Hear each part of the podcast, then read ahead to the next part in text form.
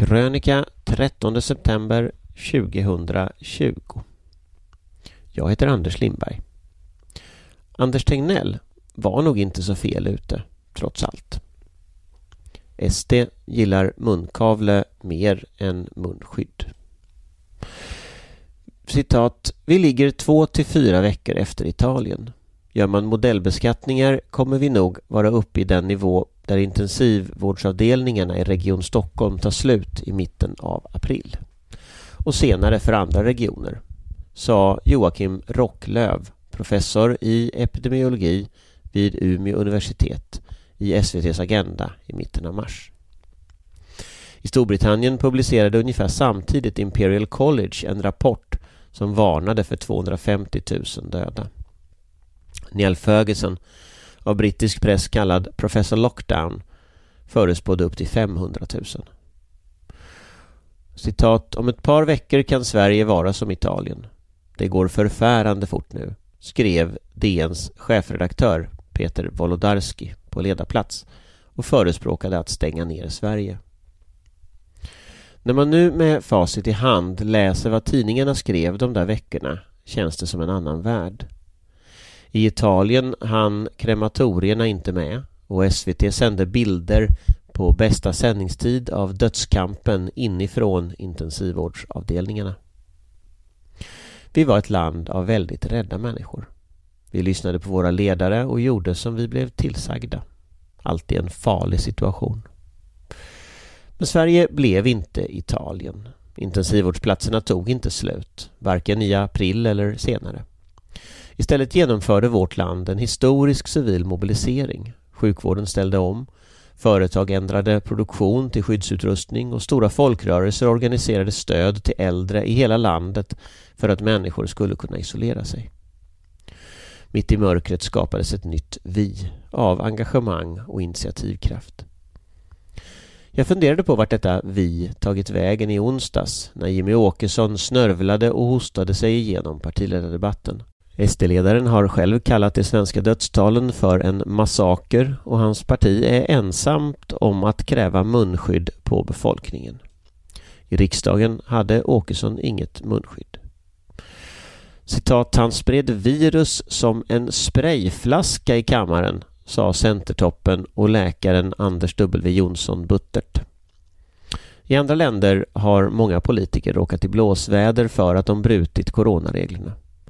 Professor Lockdown själv fick avgå efter att brittisk media med stor detaljrikedom avslöjat hur han brutit mot karantänen för att träffa en viss dam.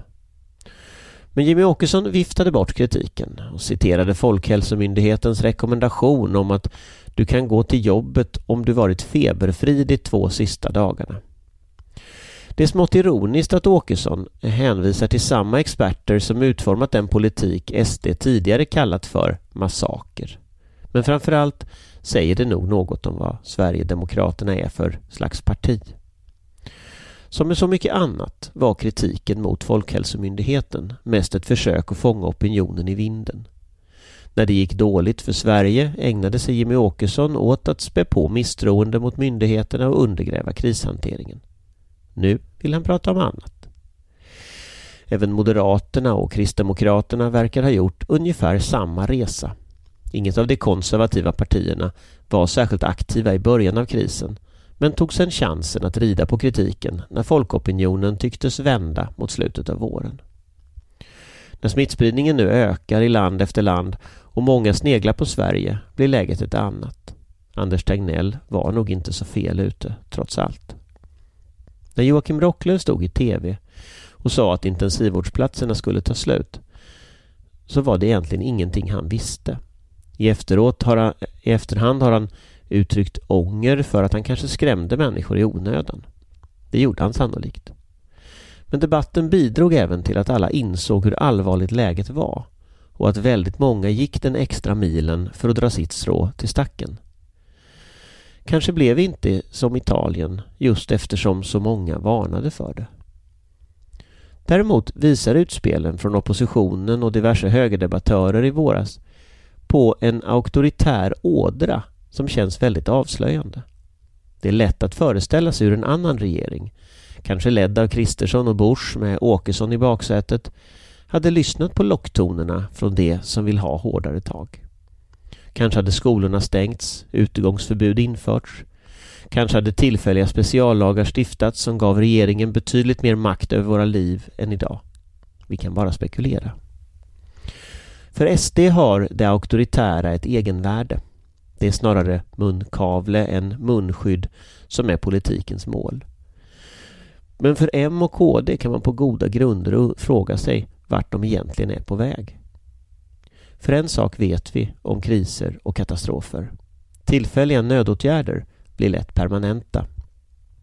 Det går fort att halka längs ett sluttande plan där allt mer frihet byts bort mot säkerhet för att sen aldrig komma tillbaka. Det spelar stor roll vem som leder landet under en kris. När nu olika länder lite yrvaket försöker ta sig ur lockdown börjar kostnaden för den hårdare strategin bli tydliga. Flera regeringar har öppnat upp för att sen tvingas stänga igen. I Norge och Danmark larmas om att smittspridningen är på väg upp. Flera regeringar skakar. I Storbritannien är Boris Johnson under hård attack och i USA kan Donald Trumps misslyckande leda hela vägen till ett maktskifte.